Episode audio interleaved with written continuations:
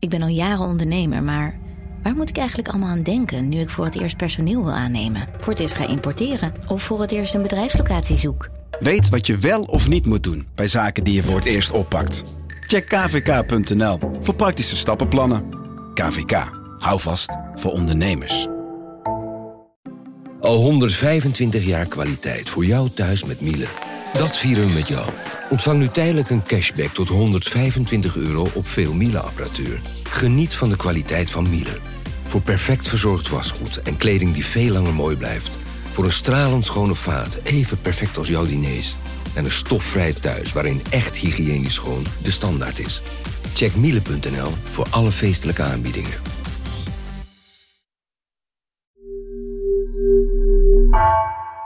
Fijn dat je luistert. Even een boodschap vooraf. We kunnen deze podcast alleen maken dankzij onze betalende abonnees. Ben je nog geen abonnee, maar wil je dat wel worden? Ga dan naar nrc.nl/slash nrcvandaag en kies een abonnement dat bij jou past. Want met een NRC-abonnement krijg je toegang tot al onze artikelen en podcasts. En dan nu snel door naar de aflevering. Vanaf de redactie van NRC het verhaal van vandaag. Mijn naam is Floor Boon.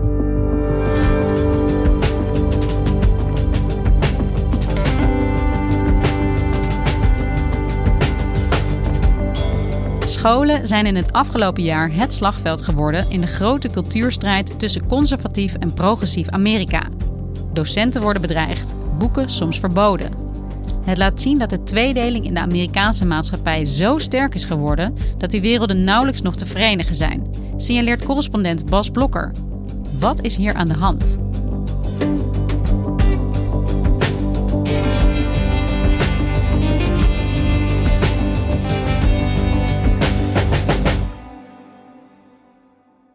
Ik ben naar Fairfax County gereden in de staat Virginia. Half uurtje rijden van mijn huis in Washington.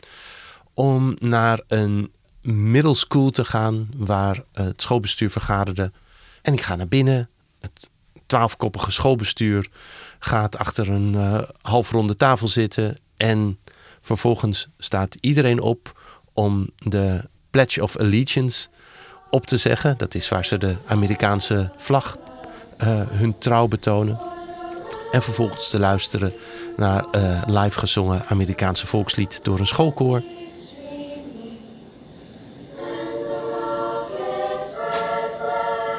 En um, dan staat de hele zaal als één man of vrouw, de rechterhand op de borst, te luisteren naar het volkslied.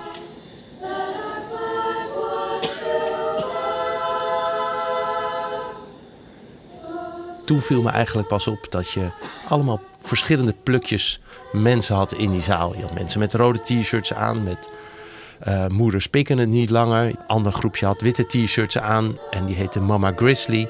Dus ik voelde wel dat er iets uh, van strijd in deze zaal zat.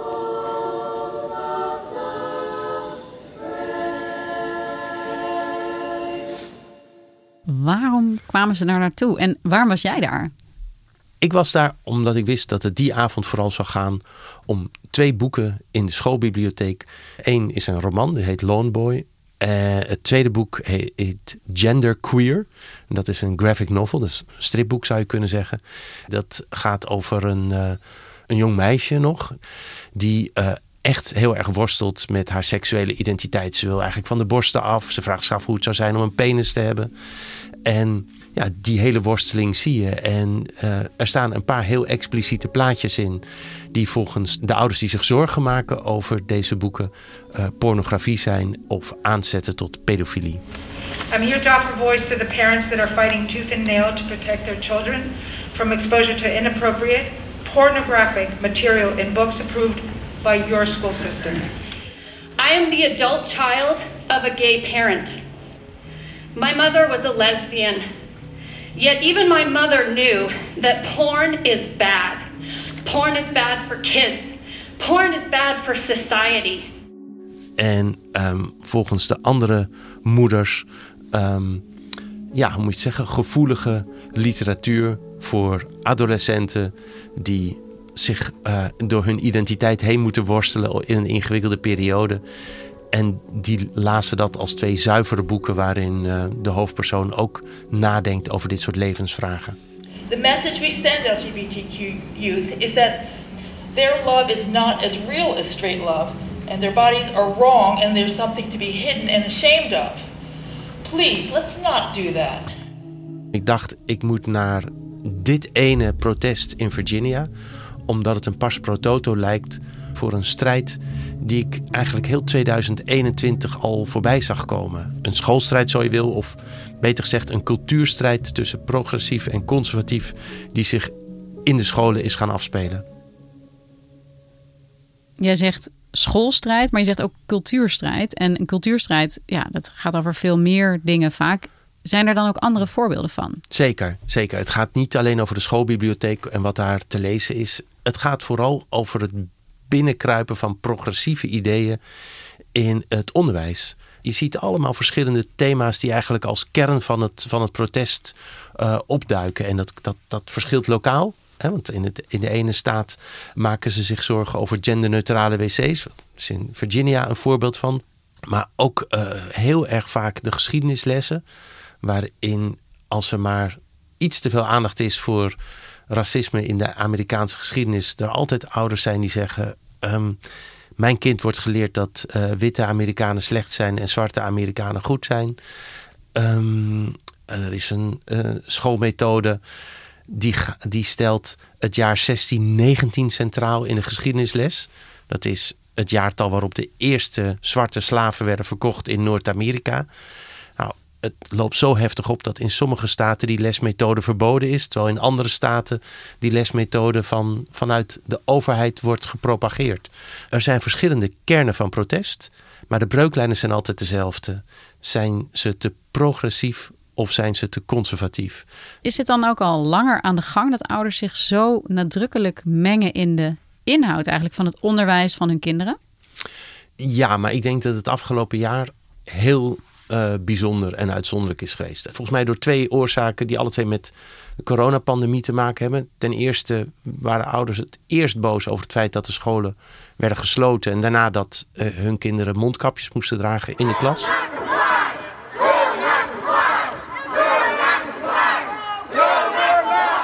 I did not sign up when I had children to co-parent with the government. And I just believe that we shouldn't have to wear masks. En ten tweede, omdat ze zelf moesten thuiswerken, konden ze ineens meeluisteren naar wat hun kinderen zo al te leren krijgen op school. En dat heeft sommige ouders heel erg verontrust. Maar er zit een diepere bedding onder, die al veel langer stroomt dan de coronacrisis oud is. En dat, um, ja, kijk, het, het, het komt er eigenlijk op neer dat conservatieve ouders het gevoel hebben dat links-Amerika, en zien ze de regering onder, maar ook, ook iets als het schoolbestuur en allerlei instituties, dat links-Amerika bezig is het wezen van hun land te veranderen.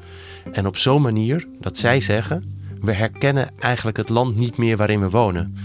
En ik heb laatst een, een vrij recente peiling gelezen, waaruit bleek dat 80% van de ondervraagden die republikeinse sympathieën hadden, het gevoel hebben dat ze een vreemde zijn in het land waar ze wonen. Dat ze het gevoel hebben dat de cultuur van hun land, de culturele identiteit van hun land, al onherkenbaar is veranderd of aan het veranderen is. Dus het begint eigenlijk met conservatieve ouders, of in ieder geval vaak op de Republikeinse partij stemmende ouders, die inbewegen tegen de heersende inhoud van het onderwijs op openbare scholen. Ja, nou zeg jij heersende, en dat klopt misschien wel, maar dat is ook een beetje hun projectie. Het valt mij op dat die, dat die ouders vanuit hun politieke standpunten ook een vijand maken van het openbaar bestuur. Dus dat zij doen, hè, wat, je, wat je vaker ziet, dat bijvoorbeeld de Republikeinen onder leiding van Trump zeggen: de media zijn allemaal links en dus anti-jullie, anti-Amerikaans en anti-mijzelf. Um, en dat gebeurt op die scholen ook een beetje. De polarisatie die je in de hele samenleving ziet, zie je nu ook op school. En het bijzondere van die scholen, en dat is waarom ik naar Virginia ben gegaan, is dat zo'n krachtig buskruidmengsel is. Als ik jou vertel dat je kinderen uh, worden verpest op school, dan is dat voor jou een, een andere zorg dan wanneer ik zeg: uh, het stoplicht op het kruispunt doet het nu even niet. Um, dat raakt bij ouders zo'n fijne naald, denk ik, dat het. Um, het is gewoon gebleken dat die schoolprotesten. die hebben zich echt over Amerika verspreid als een, als een heibrand. Een van de vrouwen die de opstand leidt in Fairfax County heet Stacey Langton. What's your problem? You want in schools? En in Fairfax County is zij de belangrijkste tegenstander van het schoolbestuur. Daar werd ze ook een beetje nerveus van. Want toen ik haar aansprak samen met, met de fotograaf die met me mee was, toen stond ze op de stoep met een aantal protestborden. En ik liep naar haar toe, ik stelde me voor en we raakten aan de praat. Dus ze was heel vriendelijk. En ze kreeg na ongeveer 13 seconden uh, ging haar mobiele telefoon. En zei ze, oh ik neem even op, want dit is mijn bewaker. Toen bleek dat wij vanaf het parkeerterrein in de gaten werden gehouden door een meneer die was meegekomen om te kijken of ze niet werd aangevallen. Um, nou goed, zij konden zeggen van nee, dit is een hele beleefde journalist uit Nederland. Dus alles is goed. En toen hing ze op.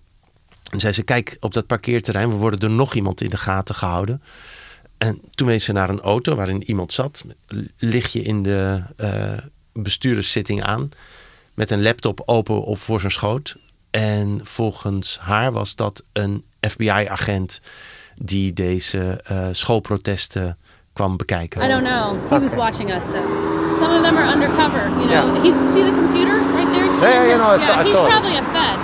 Uh, I don't know who the woman is though that's with him, but it's you can see the computer. I mean, I'm not going to stop doing what I'm doing or be afraid no. because they're watching, but it is meant to intimidate. It is unnecessary. Yeah, they're yeah. meant to intimidate. That's what it's for. En hoe waarschijnlijk acht je het dat de FBI dit soort protesten in de gaten houdt? Weet je, het zou kunnen.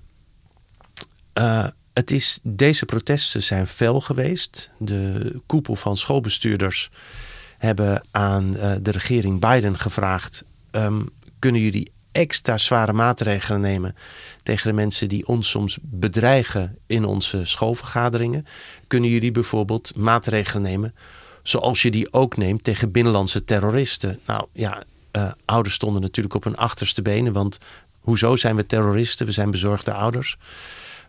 De regering Biden heeft dat afgehouden. En de schoolbesturen hebben later gezegd: Nou, dat was ook een beetje te kort door de bocht van ons. Desalniettemin is bij de FBI wel een soort, ja, moet je het zeggen, in hun, in hun registratiesysteem is een apart hokje aangemaakt voor mensen die leerkrachten en schoolbestuurders bedreigen. Dus ze letten er wel scherp op. Bas, dit gaat ook echt heel ver. Dat ouders, leerkrachten, uh, medewerkers van scholen bedreigen zelfs. Uh, en echt agressief worden in hun wens om dus die inhoud te veranderen van dat onderwijs. Maar krijgen ze er ook iets voor elkaar? Lukt het ze?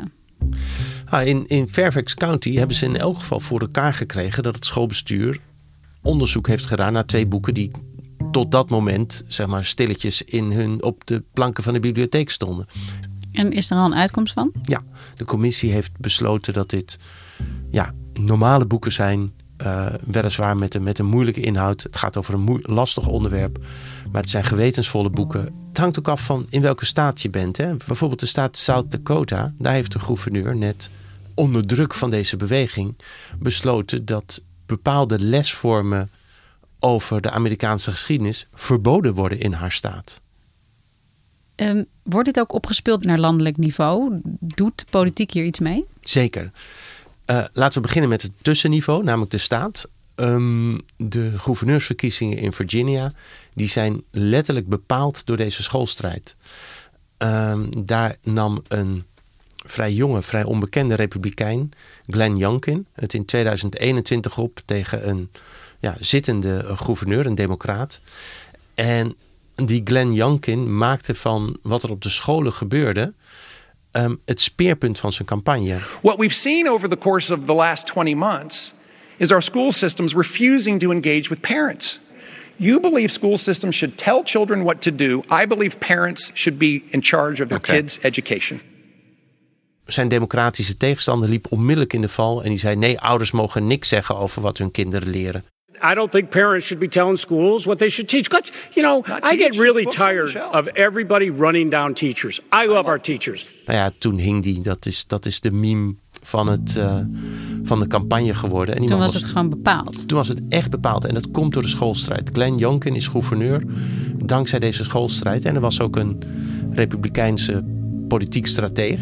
Die zei, we hebben hier goud in handen. En het is ook zo. Kijk, deze cultuurstrijd in Amerika die is breder dan dat. je hebt vast wel gehoord over begrippen als cancelcultuur en dat soort dingen. Dat komt hier eigenlijk allemaal in samen. Er komt in samen dat progressief Amerika eigenlijk is losgezweefd van de normale samenleving. Dat is het verwijt van rechts. Dus het is inderdaad een hele vruchtbare voedingsbodem voor republikeinen. Ik denk vruchtbaarder dan de route die president Trump kiest. Namelijk de vorige verkiezingen waren één grote frauduleuze bende. Dat, is ook, hè, dat wordt ook gebruikt voor electoraal gewin.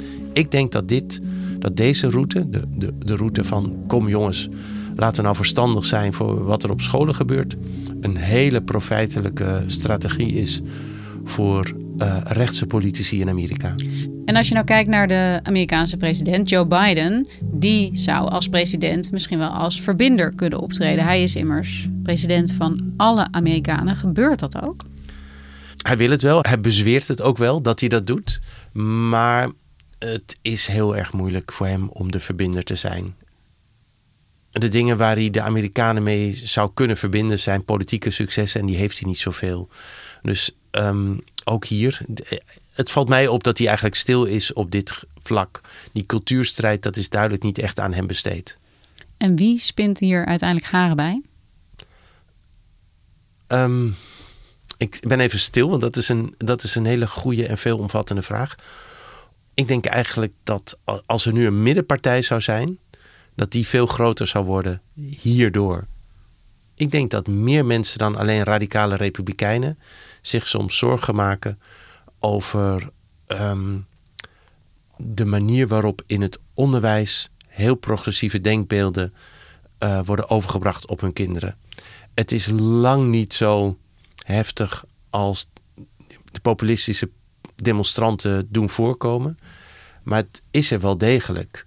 En de ergernis daarover is veel breder dan alleen maar aan de rechterkant van het spectrum. Ook mijn hele vriendelijke buren in Washington, uh, verlichte geesten, uh, aardige mensen, uh, warm hart voor de samenleving, zeggen: het wordt zo ongeveer tijd om ons land in twee te knippen. Dus je krijgt eigenlijk in Amerika wordt na, veel eerder nagedacht over de consequentie van de polarisatie dan om het oplossen van de polarisatie. Ik hoop dat we er van jou uh, nog een en ander over gaan horen de komende tijd. Ja. Vast. Dankjewel, uh, Bas. Graag gedaan.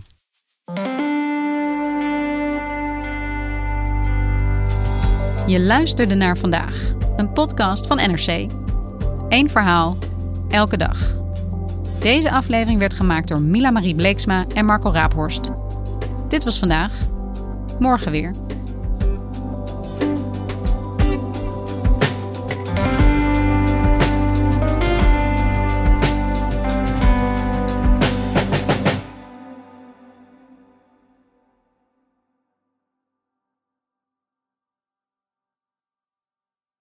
Technologie lijkt tegenwoordig het antwoord op iedere uitdaging.